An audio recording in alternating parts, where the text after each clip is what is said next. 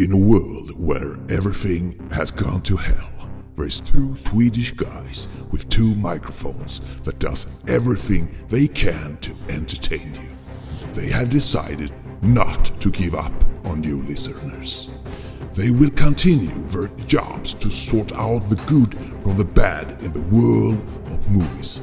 No one can stop them to put out their shows in the air. Now, sit back and enjoy when a brand new episode of TT Film Podcast come to you. Rated R. Då är vi ute med ett nytt avsnitt från TT Filmpodcast. Dagens avsnitt kommer vi avhandla Pistolregissören som gör en nytt, en trea kan vi säga egentligen här som, ja vi har pratat om den här innan men jag, nu ska jag prata om den trean som eh, kanonregissören gör.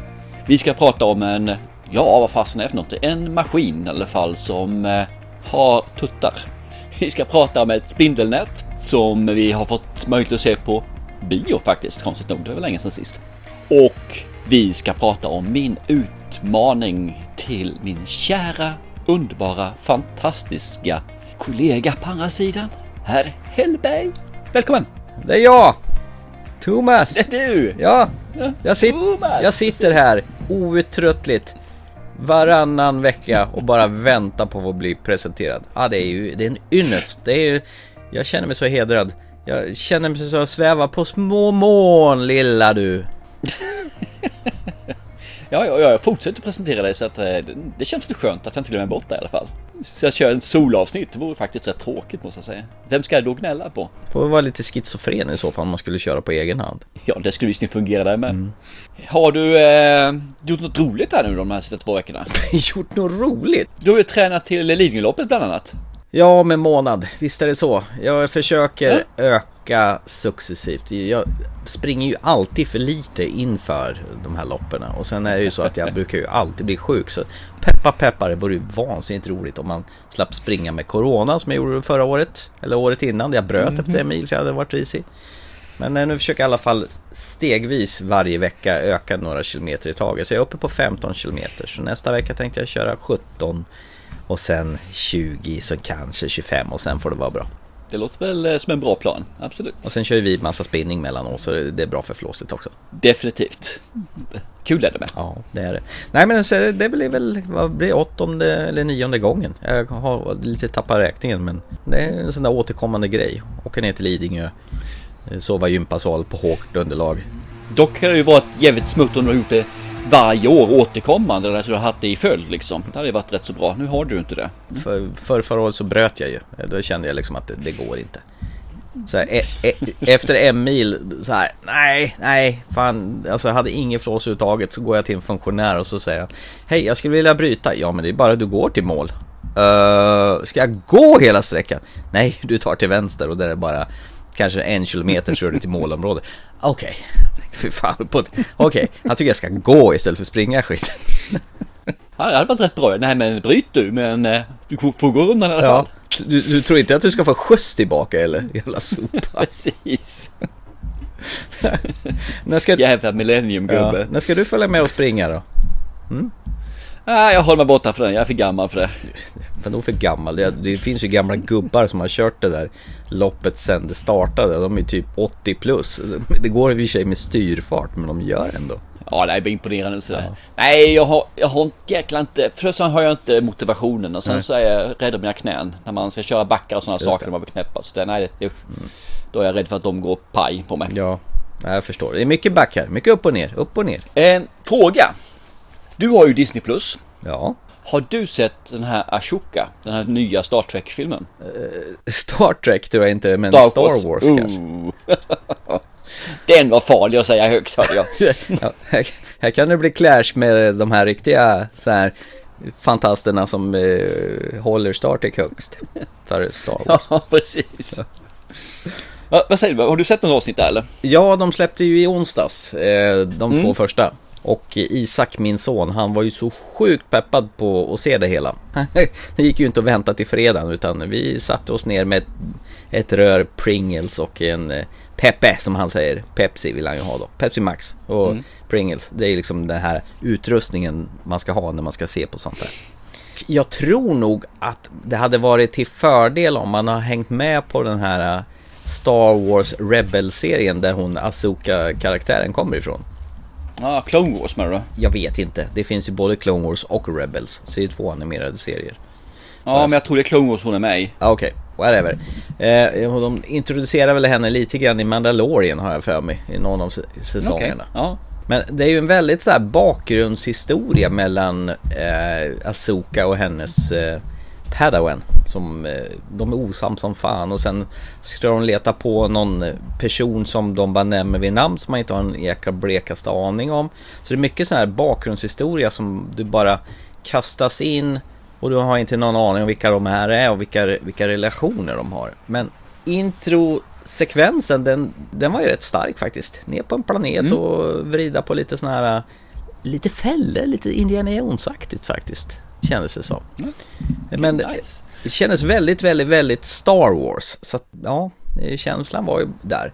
Sonen jublade och nästan slog frivolt och tyckte det här var alldeles ypperligt härligt. Jag var kanske inte lika lätt flörtad för jag tyckte karaktären Asoka var rätt tråkig. Hon står mest med armarna i kors och ser sur ut. men men, det kanske blir bättre. Jag har ju följt med, vad heter det, Clone Wars. Ja. Den serien, den animerade serien. Lite grann ja. med sönerna. De tyckte jag den var, kul en, en period. Okej. Okay. Och där har hon ju en, eh, hon är ju ung då. I det fallet. Så hon är ju det här Padwan då, under den perioden. Och hon slänger ju käft ganska mycket. Och mm. verkar ju vara den här. Och jag hoppas ju att den karaktären kommer tillbaka också i eh, den här serien då. Mm. Kanske inte gör det nu första men det kommer sen då. Mm. Men däremot har jag läst på lite grann, eh, läst på recensionerna, läst lite grann om den i alla fall. Mm. Och det är ju ganska ljumna recensioner får man säga på de första två avsnitten. En del säger ja men det är väl en bra Star Wars serie som ingen vill ha. Och de andra säger eh, platt, tråkig, mm. intetsägande. Ja. Och några andra säger men det här är Star Wars. Det är bra. Det, det, det är en duglig Star Wars. Det har aldrig varit någon som jublat utan det har varit duglig till eh, varför. Mm. Men jag ska se den sen vid tillfälle. Men jag, jag väntar och blir med Disney Plus tills det har kommit några fler avsnitt känner jag. Slutsekvensen var ju lite spännande i alla fall. Eh, de har ju alltid eftertexterna i slutet på alla sina serier. När det gäller Star Wars, Marvel och allt fan vad det nu heter. Och det mm. märktes att de hade sneglat väldigt mycket på Game of Thrones, där introt där med de här när man flyger över kartan och, och gör nedslag vid det, vad heter det, Westeros, Kings Landing och så vidare. Och mycket så här stråkar. Här istället är det hoppar lite kors och tvärs över galaxer och från ena till den andra planeterna. Men stråkarna finns där. Man ser ju vad de har tagit inspiration av. Så plank, plank hit, plank dit, säger jag. Så har det alltid varit. Mm. Så att, eh, ja. Det är inget konstigt. Nej. Nej men vi kommer fortsätta titta naturligtvis. Det är alltid trevligt att se på sånt här tillsammans. Och speciellt när jag ser att han tindrar med ögonen när de olika karaktärerna kommer in som han känner igen sen den animerade serien. För en annan ja, så var det inte riktigt lika lätt att ta till sig den här med när man bara blir nersläppt i, mitt i handlingen. Men så har vi sig Star Wars alltid varit. Även filmerna som George Lucas gjorde med 4, 5 och 6. Utan du får en sån här förtextrullning som precis på vanliga Star Wars. Så istället för att den rullar framåt så, här, så är det en röd text som bara far ner så här. Där får du som en bakgrundshistoria. Men vem fan orkar läsa det där? Alla utom du kanske? Nej men jag ser fram emot det. Det ska bli intressant som sagt. Nej men kika på det för all del. Det känns ju som man är i Star Wars-miljö. Det gör ju det. Ja. För en gångs skull så känns det ju också som att du har en punkt A till B, alltså en, en historia som ska drivas någonstans. Det tyckte de total misslyckades med den sista säsongen av Mandalorian, säsong 3. För det, det kändes då som, de visste inte alls vad de skulle göra med utan det spretade åt alla jävla håll, konstiga håll i tredje. Så att, ah, då, där den tappade... var ingen höjdare. Nej, så där tappade jag intresset kan jag säga. Så att det här verkar i alla fall lite bättre paus. Jag måste släppa ut hunden. Ja. Han står här och gnäller så han gör. Mm. Nej. Beep, beep, beep, beep, beep. Om han hade låtit så i alla fall så hade det varit mm. okej. Mm. Nu låter han ju mer som ett trasigt gångjärn. Ja men kul! Mm. ska vi framåt. Mm. ska vi köra vidare? Ja kan vi göra. Mm. Ska vi gå till en liten eh, aktuell film som precis har släppts på DVD, Blu-ray och eh, streaming då? Till våran pistolregissör här, James Gunn. Kör hårt. Det här är ju en film som du redan har sett. Ja. Guardians of the Galaxy. Du var ju såg med den, jag fick inte följa med. jag var i Göteborg och det var dagen innan eh, Göteborgsvarvet så det har väl kanske en naturliga skäl att du inte var med på den här. Samma sak. Jag fick inte följa med. Nej. Guardians Jag of blir Galaxy volym 3 då? Yes. The Guardians of the Galaxy have no place in my world. Kiss your mom with that face? Oh no. Some corners of the universe consider him God. It's a face-off. Well, I guess we'll die trying. I decided die trying ain't our thing no more. Guardians of the Galaxy Volume 3, rated PG-13. Get tickets now. Nej, vi här får i alla fall möta våra vänner Peter Quill, eh, Rocket, Mantis, Drax och Nebula. Dock inte så mycket av eh, den gröna kvinnan här faktiskt. Vad heter hon nu? Gomorra. Gamorra. Gomorra. Så, just det. Så heter hon. Ja, jag säga? De blir attackerade där liksom och vår lilla Rocket blir skadad. Och tyvärr så verkar det som att han är ju, vi vet ju om att han är ju designad genetiskt i tidigare liv, vi vet bara inte hur. Men nu verkar det som även den som designar honom har lagt en kill switch på honom. Så om någon gör någonting för att, jag ingriper fysiskt i honom så kommer den automatiskt att stänga av Rocket. Ja, döda honom då kan man säga istället för att stänga av. Man stänger av en maskin, man dödar en människa eller en varelse. Och det är väl egentligen det som hela den här filmen går ut på. Att de ska jaga rätt på ett sätt att kringgå den här killswitchen eller överhuvudtaget i alla fall rädda sin eh, kära Rocket då. Som inte är en eh, grävling eller något annat. Ekorre eller vad det är för någonting. Kort. Och ja, så här kommer ju lite nya karaktärer. Vi har ju han The High Evolutionary. Han som jag känner igen från eh, toalettstolen. Som du uttrycker det. Toalettstolen. Sorry, det kanske är fel att säga det, men Peacemaker. Ja, men jag har inte sett Peacemaker så jag har ingen aning om det. Nej, men han är en av karaktärerna i tv-serien Peacemaker. Ja, okej. Som förresten kommer en säsong två också här, så det ska bli jättekul att se. Det ser jag fram emot. Mer toalettstolar och så. Ja, och sen finns lite andra karaktärer som dyker upp här också längs med vägen. Många gamla kändisar och några nya också för den delen. Men det är ungefär samma upplägg som man brukar ha i de här filmerna. Jag är ju, var ju ett stort fan i alla fall av första filmen. Jag tycker den var så jäkla underbar. Bra musik och sen så integrerade de med musiken så man fick det här in i filmen. Ja men när när han kör igång sin musik och så dansar han och smätter iväg de här råttorna i första sekvensen i ettan till exempel. Den är ju fantastiskt kul. Ja, tvåan misslyckas ju fatalt för det. De skulle försöka vara roliga och då blev det forcerat att vara rolig. Och då låtsades de ha kul. Och när, när man låtsas ha kul så märker ju jag som tittare det med en gång. Och det blev bara tragiskt. Och sen ska man göra den här föryngringsgrejen också. Och det, det, nej, nej, går inte alls bra.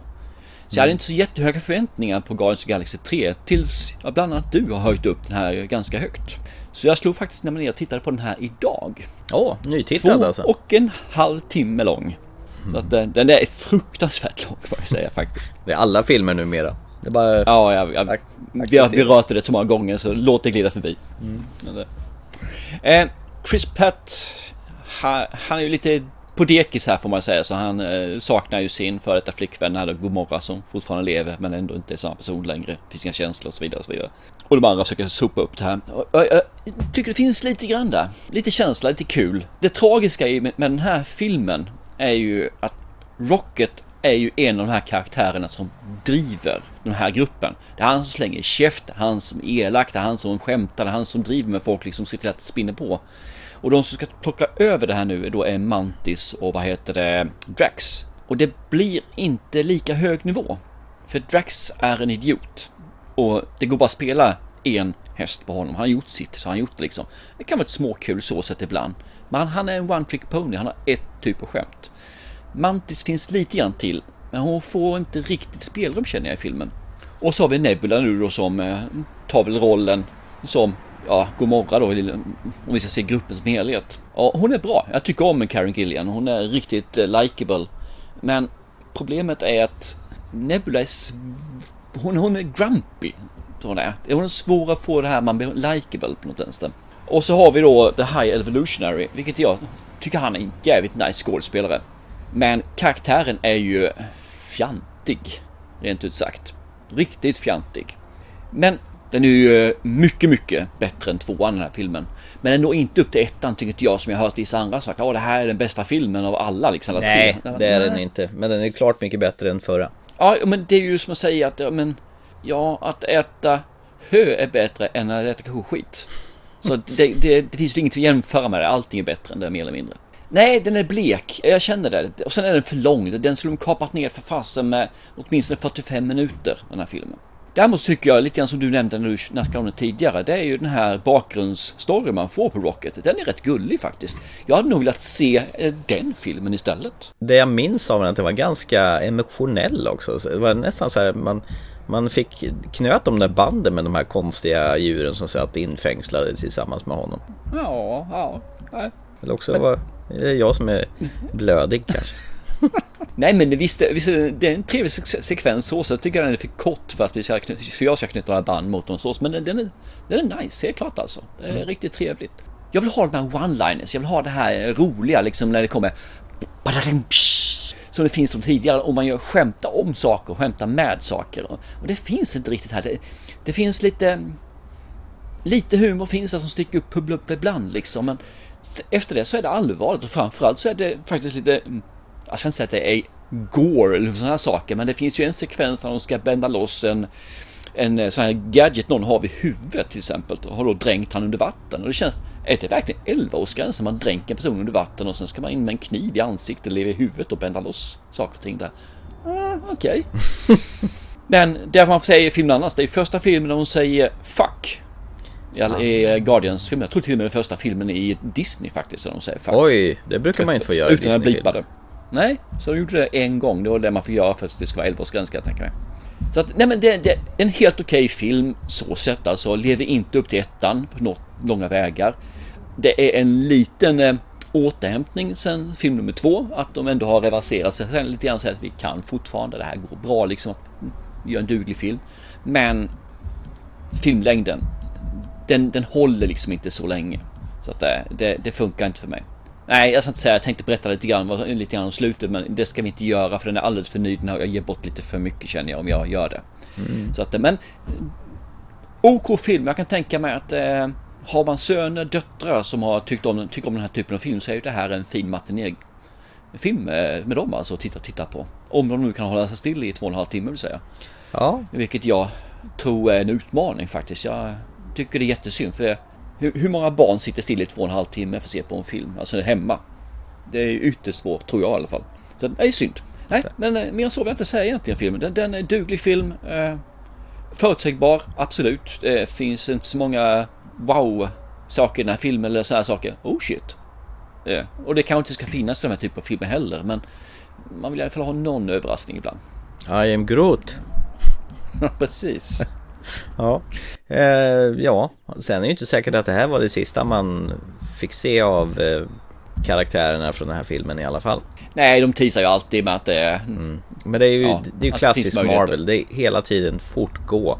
Vidare, vidare, vidare. Det blir så sjukt trött på de här superhjältefilmerna. Det har ju smittat över sig på andra filmfranchiser också. Att, att det ska vara sådana här post-credit scener, mid-credit och post-credit. Så att det har ju blivit mer undantag än Att regel. man att lämnar man- öppningar, det är ju inget nytt. Utan de har man gjort i decennier ju. Man Ja. tittar bara på de här eh, gamla skräckfilmsgenrerna liksom. Mm. Där lämnar man alltid öppet ju. Att det kan komma en till. Fast han är död så är han ju inte död. Nej, man, man är ju aldrig riktigt död i, i, sådana här filmer. Nej. Nej, men jag tror nog inte att det kommer någon mer. I alla fall inte den här konstellationen. Utan det, det kan nog bli, ja, mm, något helt, helt nytt då i sådana fall. För jag tror inte det kommer bli något ur det här igen. För det, det känns inte som att det är tre filmer räcker liksom. Och jag vet ju att eh, Drax har ju, eller då Batista har ju sagt att aldrig mer, gör inte Drax fler gånger liksom. Nu är den tiden över. Den använder han ju bara för att komma upp, att bli känd så han fick roller. Sen vill han göra annat, han vill inte bli känd för Drax liksom. Men vi såg ju nyss i den här M. Night Shyam- Shyamalan-filmen, den här Knockout Vedor. Vad hette han? Vad hette han? Regissören? Vad hette han? Nej men nej men nej Shyamalan, nej nej men nej. Ah, Nej nej men nej. han, Okej. Nej men nej. M. Night Shyama- Shyamalan heter han. Det var han faktiskt riktigt bra tyckte jag. Han, Ja, jag tyckte om han där. Det gjorde jag. Och han har faktiskt... Han har möjlighet att faktiskt bli en bra skådespelare. Mm. Så det, det tror jag. Den här finns ju nu på streaming, eh, har ju funnits på Disney Plus eh, sedan en tid tillbaka och eh, numera även släppt på fysisk utgåva i form av Blu-ray DVD.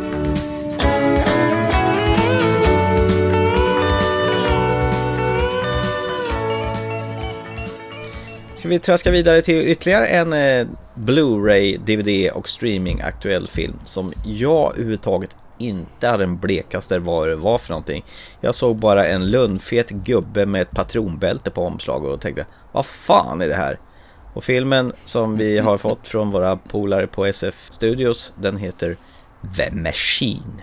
Seven years ago, one incredible story blew up the internet. When I was 22, I got involved with the Russian mafia. I was a frat boy on a class trip. This is Igor. He's here for your protection. He is very dangerous. You are not to talk to or hang out with him. All I want to do is hang out with him. I did not speak Russian. Yeah, machine. All I knew how to say was, On the machine! it was literally the best summer of my life. We robbing this guy? This is Russia! 23 years after those events, the story continues. You paid money to see my son tell his made up story about robbing a train in Dad, Russia? for the millionth time, it's a true story. 23 years ago, you stole the only thing my father ever cared about. Sorry. This is some sort of TikTok prank. I'm about to lose my shit. You're coming with me back to Russia. Russia! Oh, God! Oh my God! I'm going to freaking hell! I killed a man. Well, technically you killed several men. Oh. Hade du något grepp på den här? Vad det var? Och vem han var? Bert Kreiser. Jag har sett han som kortast liksom att han alltid har det här att han drar sig tröjan och ska göra sina stand-up i bara bröstad. Ja, han har väl någon sån här rutin. En ståuppare, det är väl vad han är. Och sen är han tydligen en podcastare också, vad jag har fattat det som också. Ja, ja. Men det här är ju en film om honom. Det är Ja. liksom taget på hans liv.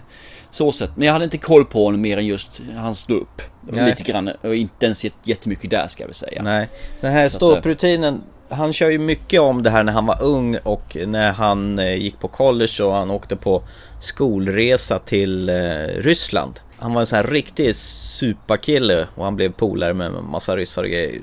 Så det var väl egentligen det han pitchade idén till Legendary, heter ju filmbolaget som nappade upp honom här. Så han eh, fick väl lite förslag och de gjorde greenlitta den här filmen att han fick i princip göra filmen om sitt liv. Så att vad vi får här det är väl att eh, han går väl hos psykolog eh, för att försöka få rätt, rätt sida på sitt liv. Han har slutat med de här eh, ståupparna och hans eh, förflutna kommer väl egentligen ikapp honom.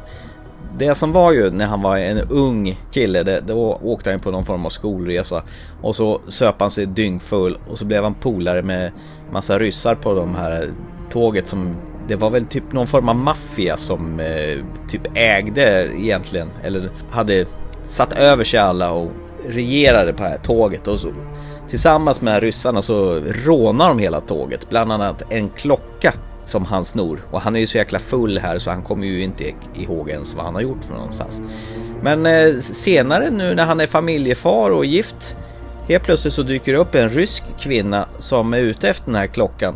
Har hon fått uppdrag av sin far där och hämta tillbaka. Irina tror hon heter dessutom.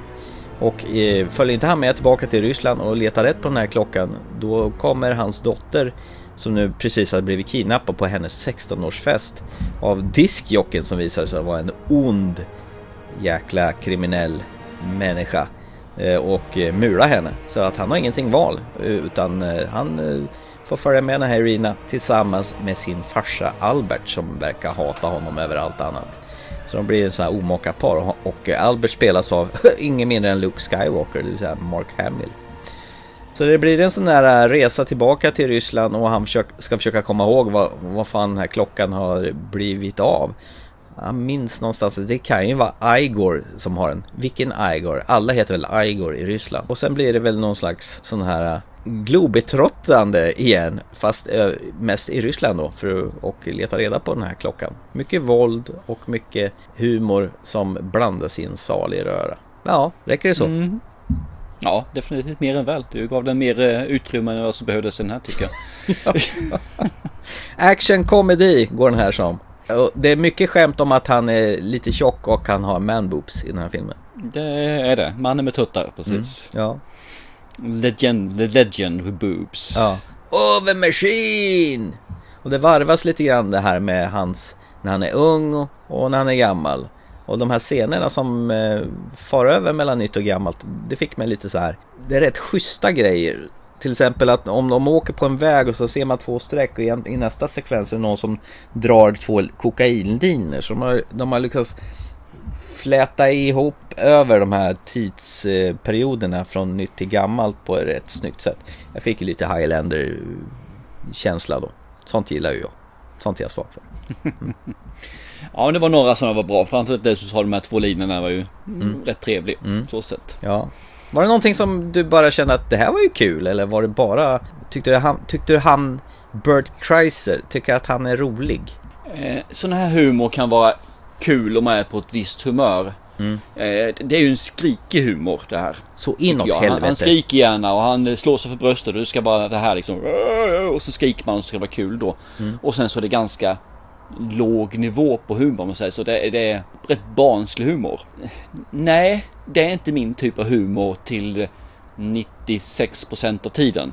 Oj. Ibland kan man tycka det är kul. Oftast är inte det här min, min typ av humor. Det är det inte. Jag tycker den är lite för juvenal för mig. Så att eh, nej, jag hade inte jättemycket nytta av den här filmen. Jag tycker den blir rätt bra. Den växer lite grann och blir lite roligare när det går längre fram. När man faktiskt, han visar lite mer vanlig mänsklighet egentligen. För jag tycker han är bara så jävla töntig, dum, omogen, psykopataktig egentligen om jag säger så. För han tänker ju bara på sig själv fast han inte tror han gör det. Och har tuttar. Så att, nej, Ja, nej men det, nej, det här var inte riktigt min typ av film alltså. Så, men jag tycker inte om den här typen av filmer heller, så jag ska faktiskt inte säga så mycket om den som sådan. Men, men som mig så är den här filmen ingenting jag vill lägga ner så jättemycket tid på. Eh, det är två timmar lång film, jag fattar inte återigen, man gör den 1,50 lång liksom. En sån här film ska inte vara mer än 26 för fasen.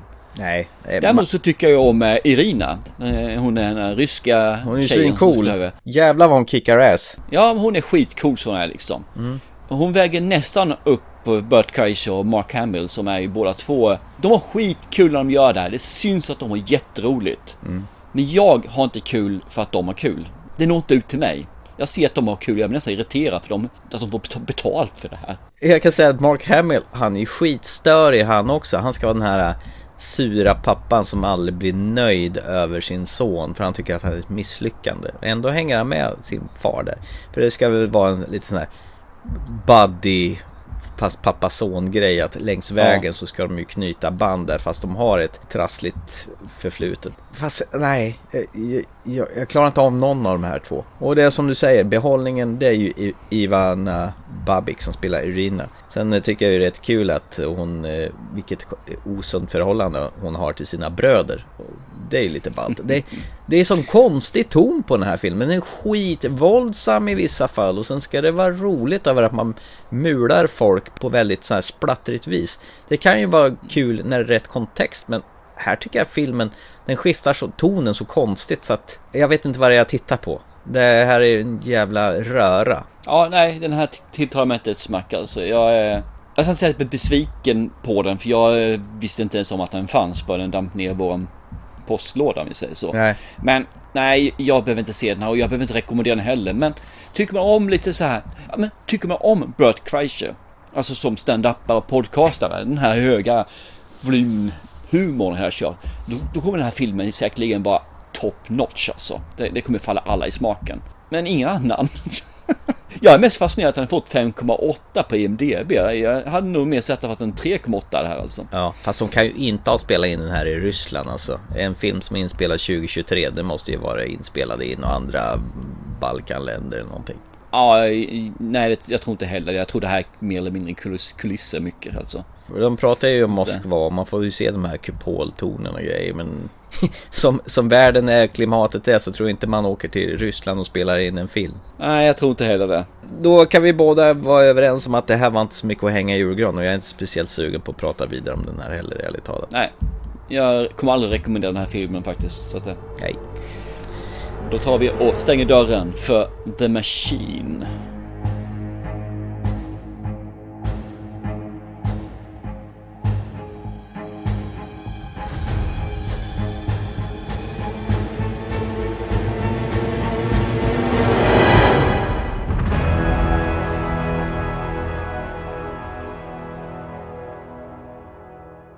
Ska vi gå till en film som är lite bättre tidsmässigt på 1.28 istället? Ja, herregud. Nu snackar vi filmer som tilltalar mig i spellängd. Jag blir så glad när det helt plötsligt kommer en film som är... Den klaras av på en och en halv timme. Ja, Ja, precis. ja. Jiha! Ja, och det här var ju tack vare våra kamrater på Nobel Entertainment. Eh, den här filmen har vi faktiskt dessutom tävlat ut så att vi har haft fyra vinnare som har vunnit två biobiljetter var då som kan ta med någon kompis eller man eller kvinna eller ja, vem de nu vill. Och filmen vi har pratat om det är en skräckfilm som är eh, regisserad av en Samuel Bodin. Undrar om han är svensk tro. Ja, det tror jag inte. Det låter väldigt svenskt i alla fall. Ja, fast det kan vara Bodin också. Samuel Bodin. Bowden. Så. Yes. Eh, filmen heter Cobweb. It's okay. It was just a bad dream.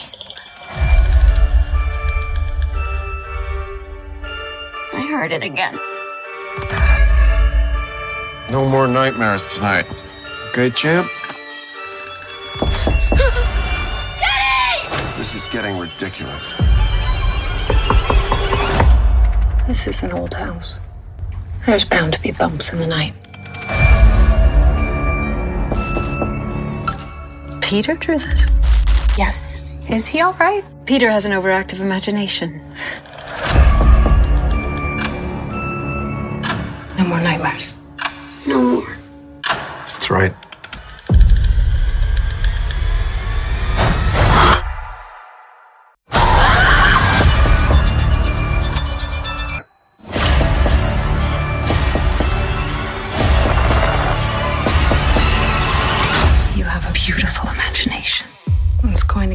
Trouble one day.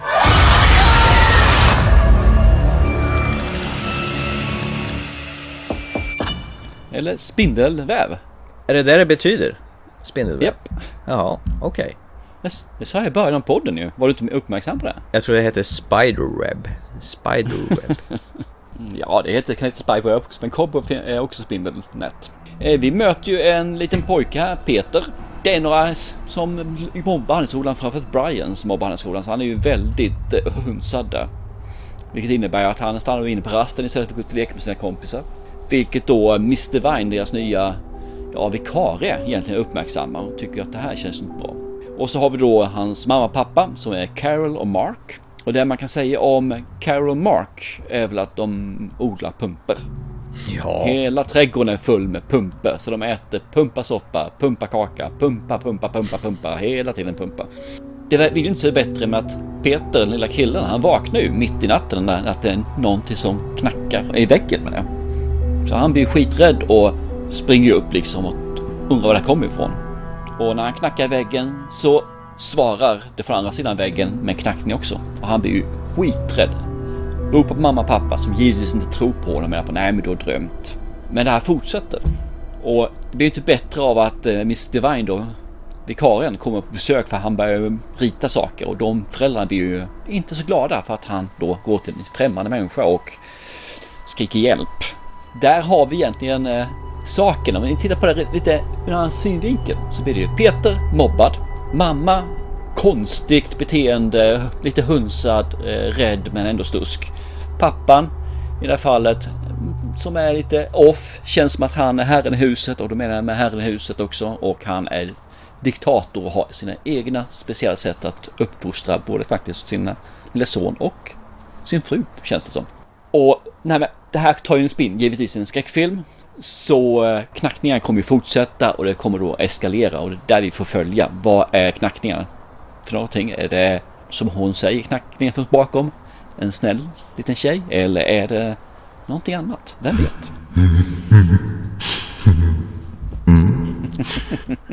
Det är föräldrarna här i den här filmen anser jag ju är den stora behållningen. Jag tycker om Peter, den lilla, lilla gossen. Han, han är jävligt nice. Men föräldrarna är ju verkligen härliga alltså. Eh, mamman är ju den här som nyttjar honom med, man säger så här emotionellt hela tiden. Hon lockar, hon drar, hon påverkar, hon styr på sitt sätt. Medan då pappan, han är ju mer den här som genom härskarteknik styr sin familj. Genom att vara snäll i orden, men underliggande finns det ett hot. Och sen märker man ju att det finns ju en hemlighet här någonstans. man vet inte vad hemligheten är, men det finns en hemlighet och man vet inte riktigt faktiskt om hemligheten är någonting som är hemskt eller om hemligheten är någonting som fortfarande är hemskt men att där det, där det måste hållas undan om man säger så. Är hemligheten något gott eller ont? Och just det här off-beteendet från föräldrarna satte ju mig i mysig ställning redan från början. Det här var ju en riktigt förbaskad creepy film. Eh, jag kände att me like, lite Georgios Lantimos i karaktärerna hur de spelar. Lite så off men fortfarande då mänskliga, man säger det, verklighetstrogna kan man säga. Eller vad säger du? Det fanns ju en film som heter Babadook, kommer du ihåg den? Den återkommer vi till eh, rätt vad det är. Och där hade du ju ett, en liten pojke som man verkligen hatade och tyckte var riktigt jävla vidrig och ville att man skulle dö så fort man såg honom. Här har vi ju raka motsatsen. Här har vi en väldigt likable kille som man sympatiserar med och tycker väldigt synd om hans utsatthet. Det är som du säger, han har ju föräldrar som är väldigt märkliga. Och jag satt ju bra och länge och, och funderade på vad jag hade sett han pappan som spelar Mark, Anthony Starr. Sen slog det mig, ja just det, han är ju tokblond i eh, den här tv-serien på Amazon, The Boys. Han spelar ju Homelander där. Mm. Och han är, där är han ju också lite snarlik karaktär där faktiskt. Han är ju en sån här narcissist av större mått och också kör med härskarteknik där. Det var inte så långt steg för att spela Homelander till en eh, väldigt eh, avokt inställd pappa i, i Cobweb faktiskt. Jag gillar han mm. som skådis, han är ju skitbra. Likadant mamman Lizzie Kaplan är ju också svinbra. Jag funderar på den här killen som mobbar honom, Brian, han heter Luke Busey. Undrar om han är någon son till Jake Busey eller något sånt där. Det kan ju knappast vara, vad heter Gary Busey. Han har ju ungefär det uttrycket också. Så han hör nog till den här Busey-klanen kan jag tänka mig. Det är nog mycket möjligt ja. som sagt var. Eller så heter han bara... Le jävla ungar i alla fall. Så att han får ju inte vara i fred överhuvudtaget Peter på rasterna. Men det är snart rast, då vet du. Det är bara att vänta på det, då ska du få spö. Så de verkligen psykar i honom ganska ordentligt. Ja, ja han passar. Eh, han ser riktigt jävla vrång ut den här mm. killen också. Riktigt eh, elak. Exakt. Märkte du vad tyst det var i biografen när vi såg den här? Det var helt knäpptyst. Kan ju bero på att vi var fyra personer. Vi var fyra pers i den. Vad skönt det var. Och man fick ha hela filmen för sig själv utan att någon enstaka störde. De som satt framför oss, de var ju också helt knäpptysta. Vilket gjorde att det bidrog ju till själva stämningen ganska hårt på den här. För mycket var ju mycket så här knarrljud och man hörde ju de här knackningarna i väggarna och så här. Så det var ju ganska sparsmakat med musik som skulle skrämma upp en så här. Men det fanns ett soundtrack som jag var så här. Dum, dum, dum, det gick ju som i takt med den här stora moraklockan som var på övervåningen ungefär. Den andades, den pulserade. Den här filmen, den var faktiskt läskig på riktigt. Och jag kan inte minnas när jag blev lite, när jag tyckte en film var obehaglig som jag tyckte den här var sist. Den var, den var en läskig film det här. Tyckte jag i alla fall. ja men det var creepy, håller jag faktiskt med ja. Det fanns lite sådana här saker. Ja. Det var en obehaglig stämning hela tiden som man nästan kunde ta på. Och den där obehagliga stämningen, de satte den ganska snabbt och fick den att fortsätta så här. I vissa filmer kan det ju bli en dipp så här där man känner att men fan, nu tappar det tempo här. Det, det är inte så här att filmen går i ett rasande tempo men de, de behåller det suggestiva, det otäcka, det läskiga vilket gör att man sitter och har ett obehag genom hela filmen. Ja, psykologiskt får ja. man säga. Och det gillar jag. Det, det är mm. fan det bästa med sådana här filmer. Sen, sen, kan man ju säga så att det är ju en ganska billig produktion mm. och det, det, märks ju också. Det, det, finns ju en hel del flås i den här filmen som, man ty, som tyvärr kan förstöra den om man, om man eh, låser fast sig vid den. Ja, jag ska inte säga någonting så, men det finns ju åtminstone en fyra, fem stycken som man kan räkna upp på snabbt. Att, hur tänkte de här? Varför blev det så där? Den där grejen hade ju inte någonting med det andra att göra överhuvudtaget. Så det, det finns en hel del saker här som man kände liksom att, uh, okej. Okay. Men saken är att jag förlät det. För att det var så jäkla gjort med hjärtat och det var så väl producerat i andra fall. Mm. Så hade jag fått en mer bättre budget så tror jag att mycket av det här säkerligen hade korrigerats. Nu hade man nog inte tid till om man, man fick, ja vi har, vi har bara två dagar till att filma, nu, nu, nu kör vi liksom. Skit i det där, kör vidare. Hade man då fått kanske då kunna göra det här på filmningar på kanske ett par månader och sådana saker så tror jag det här är ännu bättre alltså. Då har man kunnat göra de här sakerna som man nu inte hann med. Men mm. tyvärr är det lite för mycket för att sätta riktigt toppbetyg för den alltså. Men det är en riktigt nice film. Man satt ju faktiskt där och njöt. Där, så att man kan göra, man ser en riktigt fin skräckis. Själva temat på det här, det är kanske gjort massor, massor med gånger. Men ändå på något sätt så tyckte jag att det kändes fräscht ändå. Ja, jag håller med. Ja, det brukar, kan ju vara så här att det, barn kan vara riktigt jävla creepiga på, på film. I det här fallet var det ju riktigt jävla creepiga föräldrar istället. Det tyckte jag var fräscht. Nej, så det här är nog den bästa skräckfilm jag sett sen Black Phone. Det är nästan så att den är uppe och sladdar i, eh, på, i den ligan faktiskt. Ah, inte, skulle jag inte säga. Black Phone är en riktigt förbaskat bra film. Så den, men den, det, är en bra skräckis. Ja. Det är en riktigt bra skräckis. Jag sa nästan. Jaha, okej. Okay. Det är en sån här film, det går inte att prata så mycket om den. För ju mer jag säger, desto mer spoilar man den. Mm, Ger bort saker och ting. Men creepy film, creepy föräldrar. En riktigt likable liten gosse. Finns inte mycket att säga om den, som sagt, på mer än så. Jag tycker, tycker man om skräckis, framförallt det här lite mer suggestiva och psykologiska skräckisarna, så fungerar det här riktigt bra. Det finns några jumpscares, absolut gör det det, men det bygger inte på det och det är det som jag tycker är så jäkla skönt. Att man inte behöver bygga på jumpscares. Utan mera på en krypande psykologisk fin känsla istället. Det är väl det lite grann som är skillnaden på den här och filmen vi har pratat om tidigare, Talk to Me. Ja. Där man då har jumpscares faktiskt som man bygger på. Nu var den okej okay, tycker jag i fall den filmen, den var rätt, rätt så okej okay, och den också. Men ja. den här faller mig mycket, mycket, mycket bättre i smaken. Mm. Jag är ingen sugen på att äta pumpa i alla fall efter den här. ja, nej men får ni chansen. Ja, eller får ni inte chansen att se den på bio så greppa den här när den kommer för streaming för allt ni gör. För det här är en riktigt eh, mysig, creepy liten pärla till skräckfilm. Ja, och ska ni se den så släck ner. Mm. Ha det så det kan ni verkligen få den här creepy-känslan så det inte är för ljus för då försvinner ju mycket av känslan. Så ja. släck ner, kryp in under filten och sen när det börjar bli så här riktigt, riktigt, riktigt, riktigt så här creepy och du känner att nu börjar det byggas upp. Det är då du lägger en kall hand på din eh, älskades axel eller sådana saker. Ja. Fungerar varje gång. Nu kommer jag hoppa högt. Ja, det är så kul så. Ja. Filmen heter Cobweb för, för den som missade det och rullar nu på landets biografer förhoppningsvis en stund till.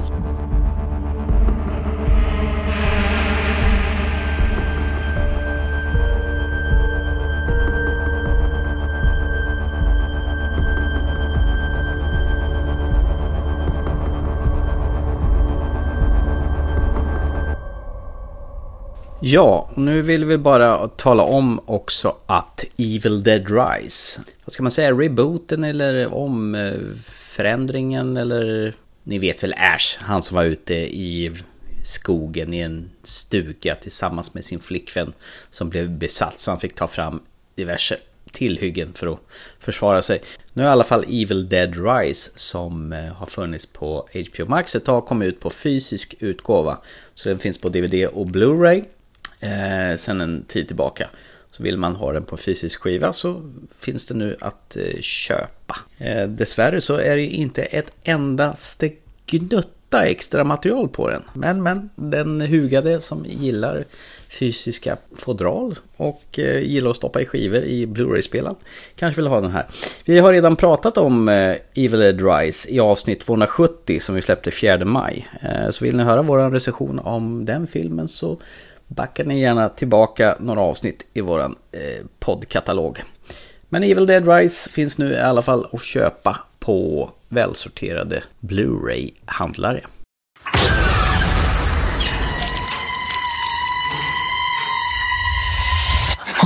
Mommy's with the maggots now. This is what happened to all. It happened to us. Don't let her take my babies. I'm getting us out of here. Open up now. Evil Dead Rise, rated R. Vi har bara ett segment kvar här ju och det är ju min eh, återkommande serie som jag nämnt för dig gång efter gång efter gång och du har dissat mig gång efter gång efter gång. Mm. Så nu var jag tvungen att beordra dig att se den här. Och då var det fem avsnitt och sex du skulle se va? Ja, det var ju spännande så här. Du ska se tre avsnitt sa du till mig. Och sen bara, nej förresten, de är så korta så vi får se fem. Så visade det sig att det bara var sex. Så var det för poäng att se fem avsnitt och det bara finns ett kvar. Det var fantastiskt gjort av dig tycker ja, jag tyckte det var kul. Ja, Okej, okay. jättekul. Ja, fantastiskt. Ja, ja jag, jag skrattade hela vägen hem. Ja, ja, jag har förstått det. Jättekul. Mm. Eh, fi filmen, nu ska du höra. Tv-serien Wolf Like Me finnes på Amazon Prime minsann. Var det det du tipsade mig om att jag skulle titta på den? Emma! You gotta help me so that I can help you. Dad, why do I have to talk to you? You don't talk to me. It is my job to help keep you safe. Maybe you should help yourself. It's like she's built this fortress around herself so that nothing can hurt her.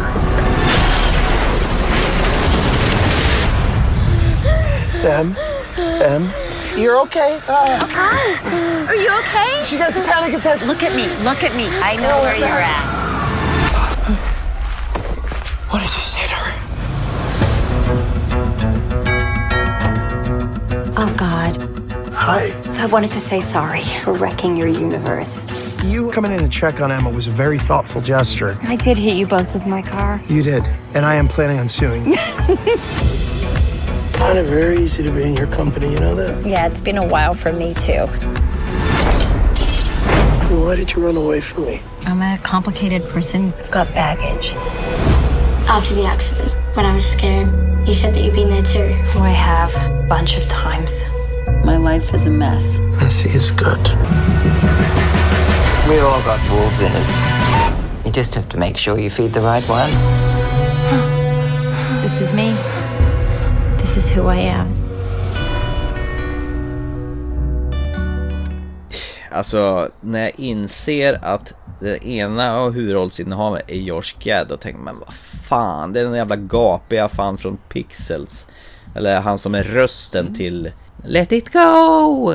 Frost. Han är ju den här eh, Olof, isbjörn, isklassen. Vad fan heter det? Snögubben. Olof. Olof. Ja. han verkar ju vara en sån här röstskådis. Men jag, jag, jag känner ju bara honom som den där lagom tjocka comic reliefen med glugg mellan tänderna som man stör på sig. Vad fan ska han vara med i en sån här serie och fronta?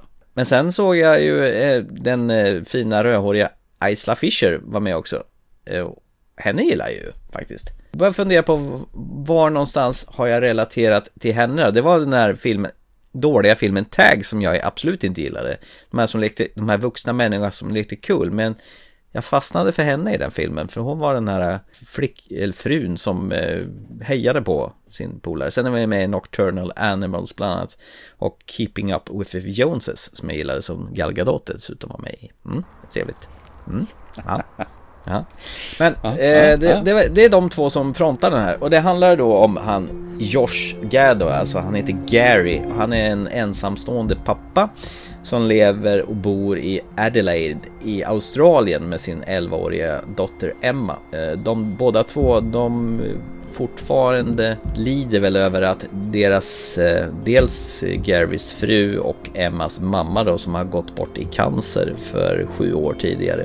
Eh, Gary flyttade från USA till, till Australien för att leva med henne men han har ju blivit kvar där då efter att eh, mamman har dött då för han vill ju liksom inte att Emma ska slitas bort från familj och vänner och sådär men ja.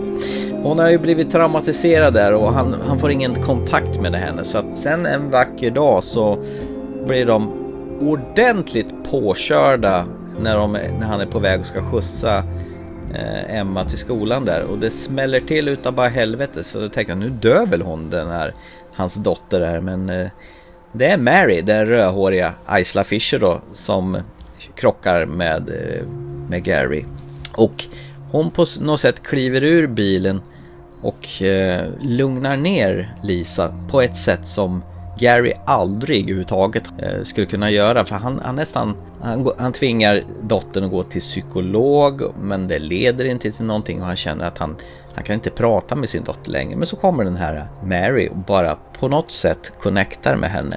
De eh, träffas lite till och från och inleder någon form av relation. Han har ju det här bagaget med att det är jobbigt det här med dottern och han vet inte hur han ska räcka till och bara finnas där för henne. Och Mary där som kommer som en skänk från ovan.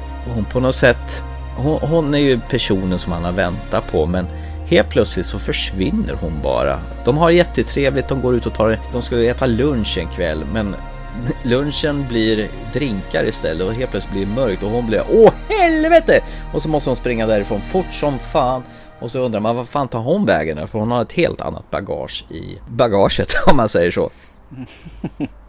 Titeln Wolf Like Me hintar lite grann över vad hennes bagage är. Sen får man ju lista ut själv vad det hela handlar om. Serien verkar i sex stycken avsnitt där varje avsnitt är ungefär 30 minuter. Ett var till och med bara 25 minuter. Så det var ju ganska lätt att ta sig igenom det här. Det jag tyckte var spännande med den här serien att, vad ska man säga, den var så himla känsloladdad det här med, med Josh och hans dotter och så kommer Mary där och kommer in med hela sin uppenbarelse och förstärker och förstår det hela. Och så att de blir egentligen, trots att deras möte resulterade i kaos, men det är två stycken trasiga människor som hittar varann och de försöker det blir nästan så här att de, de passar för varandra, men, för varandra men det hela gör att det är omöjligt dessutom för dem att vara tillsammans. Det framgår i serien. Jag tänker inte spoila det för det är liksom halva nöjet med den här serien där. Däremot så tycker jag nog att den här hade nog kunnat funkat som en längre film istället för en miniserie på sex avsnitt. Men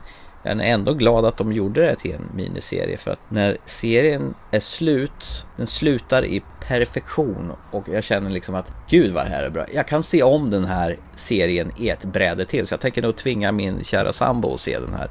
För den här var både rolig, den här var både ledsam, det berörde mig. Jag satt och grät till den här, jag skrattade till den här. Den spelade på alla mina känsloregister och när det var slut så tyckte det var så fruktansvärt toppen. Och nu såg jag att det kommer en säsong två också. Mm, det gör ju det. Men det behövs ju inte. Det här slutade ju... Det här slutade. Det kunde bara fått varit en sån här limiterad serie. Jag menar, var, varför måste man in och traska i säsong två? Men jag kommer ju naturligtvis titta på det här. För jag insåg att Isla Fisher är en av mina absoluta favviskådisar, fast jag hade förträngt det. Nam, nam. Nam, nam. Jag vill ju gärna dit den världen. Jag tycker om de karaktärerna och vill lära känna dem mer. Så jag hoppas ju verkligen att det kommer säsong två som håller måttet. Så jag ser fram emot säsong två. Och jag, tänkte att George Gad, som har varit sån här jävla plojgubbe. Hur fan, vad gör han i den här? Men han är ju skitbra här också. Han får ju visa att han mm. kan spela dramatiskt också. Att hans, den här hopplösheten med dottern, liksom att han kommer ingen vart. Allting han gör blir fel. Och det, det är som en gränsöverskridande. Det är drama som går över till någonting annat. Så att det, det är två genrer som de har rört ihop i en soppa och det funkar så jävla bra. Tack för att du till slut tvingar mig att se den när jag har nonkat den här i så pass länge som jag har gjort. För, för det roliga är att jag sa precis de sakerna du är lyrisk över. Jag tror du kommer tycka den här är bra för humorn så tilltalar dig. Jag tror att också den här underliggande kommer också vara någonting. Och sen så ser du inte den. Och sen säger du exakt samma sak att det är det. Men säg det, bara säg det. Du har rätt. Det här var svinbra. Som vanligt. Du har rätt igen. Oh, Tack. you Bra. great Obi-Wan. I'm just a simple padawan who who walks in the shadow of you. the bright light of your life. Ja. Precis. Ja, menar, herregud, vi, vi, vad smaskigt det här var. Det här var, det här var fan perfektion alltså. Och just det här att man tar ett allvarligt ämne och så skruvar man till det och stoppar in någonting annat, vilket gör att jag köper det här. Men det här är ju helt trovärdigt. Man tar mm. någonting så rotat och så med fötterna på jorden och så tar man någonting annat som egentligen inte hör dit. Och så blir det skitbra i alla fall. Snacka vilken lyckad kombo det här var. Ja, ja nice. Mm. Jag hoppades verkligen att du skulle tycka om den och det är kul att du gjorde den. Så att eh, jag är glad, både för mig själv och för dig. Jag vore ju dum i huvudet om jag inte tyckte det här var bra. oh, den där var tuff däremot. Ja. Okej. Nej men jag har ju svårt att tänka mig att, att eh, ja. de som tittar bara inte skulle gå igång på det här. För det här var ju fruktansvärt trevligt. Mm. Bra dialog, bra skådespelare. Det kändes väldigt naturligt. Det kändes inte skrivet utan när de här två träffas och de är sarkastiska mot varandra och de kan vara sura på varandra. De är glada på varandra. Och de hittar varandras brister och de hjälper varandra. Nej, men fan vad... Mm, jag har bara superlativ till den här. Mm. Wolf Like Me. Härligt. Ja. Streamar ja. på Amazon Prime. Det är bara att slå igång det om ni har missat den här. Ja, jag blir lika glad varje gång när du tycker om mina filmer som jag hoppas du ska tycka om. Så mm. det... Ja, i det här fallet en tv-serie då. Ja okej okay då, film, tv-serie. Nu fick du rätta mig då. Ja, ja. Kul för dig. Apropå äh, ingenting, den här andra som du också fick mig att titta på, den här äh, Änglar och Demoner-serien på Amazon Prime. Good Omens, har du börjat kika ja. på säsong två på den? Jag har sett äh, ingenting än där på den. Nej. Av den enda anledningen att tjejen sa men den där skulle jag kunna tänka mig att titta på. Så hon tittade på ett och ett halvt avsnitt och så sa hon ah, ni kan se klart eh, du och sonen för han verkade vara mer exalterad över den. Så, så sonen och jag har sett säsong 1, tre avsnitt. Sen har vi haft en annan serie, vid Pacific, den här gamla godingen som vi har tittat på också. Så den har tagit mer plats så jag känner att jag vill nog se den här tillsammans med honom. Så den får nog vänta lite grann till innan jag tittar på Okay. rätt skönt att komma tillbaka och se ettan igen, för jag känner att det är lite grann att komma hem till en, en gammal kompis och prata gamla minnen. Nej, det, den var ju faktiskt riktigt bra den också. Hans den här punkiga mm. aristokrat-typen, eller vad man ska kalla mm. det. Nej, det var mums. En, en lite sån här ja. fjollig ängel och en liten coolare jävel och de är kompisar. Det är underbart. ja, precis. Påtvingat men ändå kompisar. Ja. Eh, du ska ju få någonting tillbaka. Mm? Blir du rädd nu? Ja, jag är alltid rädd när det kommer från dig. Nej, det är ingen Roman Polanski den här gången i alla fall. Eh, det är en film. Ja, tack. Är det. Eh, det här är en film som jag tror vi har pratat om rätt många gånger. Och vad jag minns och tror, om mitt minne stämmer överens, så har du aldrig sett den här filmen. Så nu, nu ska du få chansen att göra det. Det blir ett uppdrag till dig. Och jag var faktiskt sugen mm. på att se om den här. Så att, eh, har du sett den så blir det en återtitt. Har du inte gjort det så blir det ett uppdrag till dig från mig. Vi, vi såg ju för en, en tag sedan den här filmen Event Horizon, vet med Sam Neill. Eh, den här som mm. en blandning av Alien och Hellraiser, kommer du ihåg den? Ja då, mm. Då tänkte jag så här att vi har en som bygger på, inte riktigt samma tema, men en, ändå en sci-fi där man ska ut i rymden och, och har ett uppdrag. Danny Boyle gjorde en film 2007 som heter Sunshine. Är det ringen någon klocka? Jo, jag har sett den. Har du sett den? Ja. Länge sedan? Ja, det är år sedan är det. Sex år sedan kanske, någonstans där. Då blev det en återtiteln då helt plötsligt då? För det är väl den filmen där de ska tända igång solen igen? Ja, precis. Exakt. Så eh, töntig plott så det finns inte. Men jag har för mig att den var väldigt eh, vacker. Men då, ger vi, då, gör, då blir det helt plötsligt då en återtiteln till både dig och mig från 2007. Ska vi se han som vi inte vet hur man uttalar förnamnet då. Cillian Murphy, Killian Murphy. Mm. Eller vad det nu heter. Chris Evans som är Rose Byrne. Vi kallar han Mr Murphy. Mr Murphy, vad han heter härifrån. Murphy. Så vi kikar på den här teamet ska, med astronauter som ska försöka skicka in en, en atombomb i eh, solen för att kickstarta den för den håller på att slockna. Sunshine! Ja, precis. Absolut, ja, men den kan vi titta på. Ja, ja varför inte? Mm. Den kan vara trevlig. Ja. Jag tror jag kan få med mig tjejen och se på den också så det kan vara trevligt. Ja, vad bra. Danny Boyle. Jag blev lite sugen på Danny Boyle. Sen eh, 28 dagar senare. Han har gjort rätt kuliga filmer. Nu vill snacka det komma en eh, uppföljare på de gamla 28 dagar, 28 veckor. Det blir 28. Det skulle vara 28 månader eller sådana saker tror jag. Ja, just det. 28 år. Det är 28... Ja, eller något sånt där i alla fall. 28 sekel. Mm. nu vart det inte så kul längre. Nej. 28 sekel. Känner du dig klar eller har du någonting mer att lyfta ditt hjärta? Nej, jag är ganska nöjd faktiskt. Mm. Vi har haft eh, fyra habila filmer. Eh, nej, det får man säga. Vi har haft eh, några habila filmer. Eh, vi har haft, nej, en habil film och en riktigt bra habil serie. Så ja. kan man säga då. Vi summerar. Du hade tittat på Guardians of Galaxy. Du tyckte att det i alla fall var en uppryckning från den förra fiaskot med tvåan. Med datadimerade Kurt Russell och föryngringsprocesser och allt sånt där skit. Eh, vi kikade på The Machine. Den eh, bombade totalt tyckte vi båda så den, den kan vi ju låta fara till Sella jaktmarker i Ryssland någonstans. Mm -hmm. Cobweb från eh, i år. En fin liten läskig pärla som nu rullar på bio. Alla som gillar att bli skrämda och tycker det är läskigt med skräckfilm så ja, tips från oss till er. Och sen till slut hade jag tittat på tv-serien Wolf Like Me med Isla Fisher och Josh Gad. En riktigt, riktigt bra serie som jag nästan kan tänka mig att slå igång igen på en och samma gång och se den en vända till bara för att. Ja, det var det. Bra betyg. Ja. Och eh, jag får väl återigen säga ja, du hade rätt igen. Tack. Det börjar med en vana känner jag. Du det kommer så naturligt numera. Så Mm. det, det är trevligt. Ja. Vi kanske börjar podden med det, att du säger att jag har rätt. Don't push your luck. Attans har jag försökt i alla fall. Men. Men eh, ni andra, ni kan väl, eh, ja, varför inte titta på Wolf Like Me, tv-serien, eller gå på bio och se Cubweb, så hörs vi snart igen om ett par veckor igen. det gör vi absolut. Ha det gott ute och chip chip! Hej på er!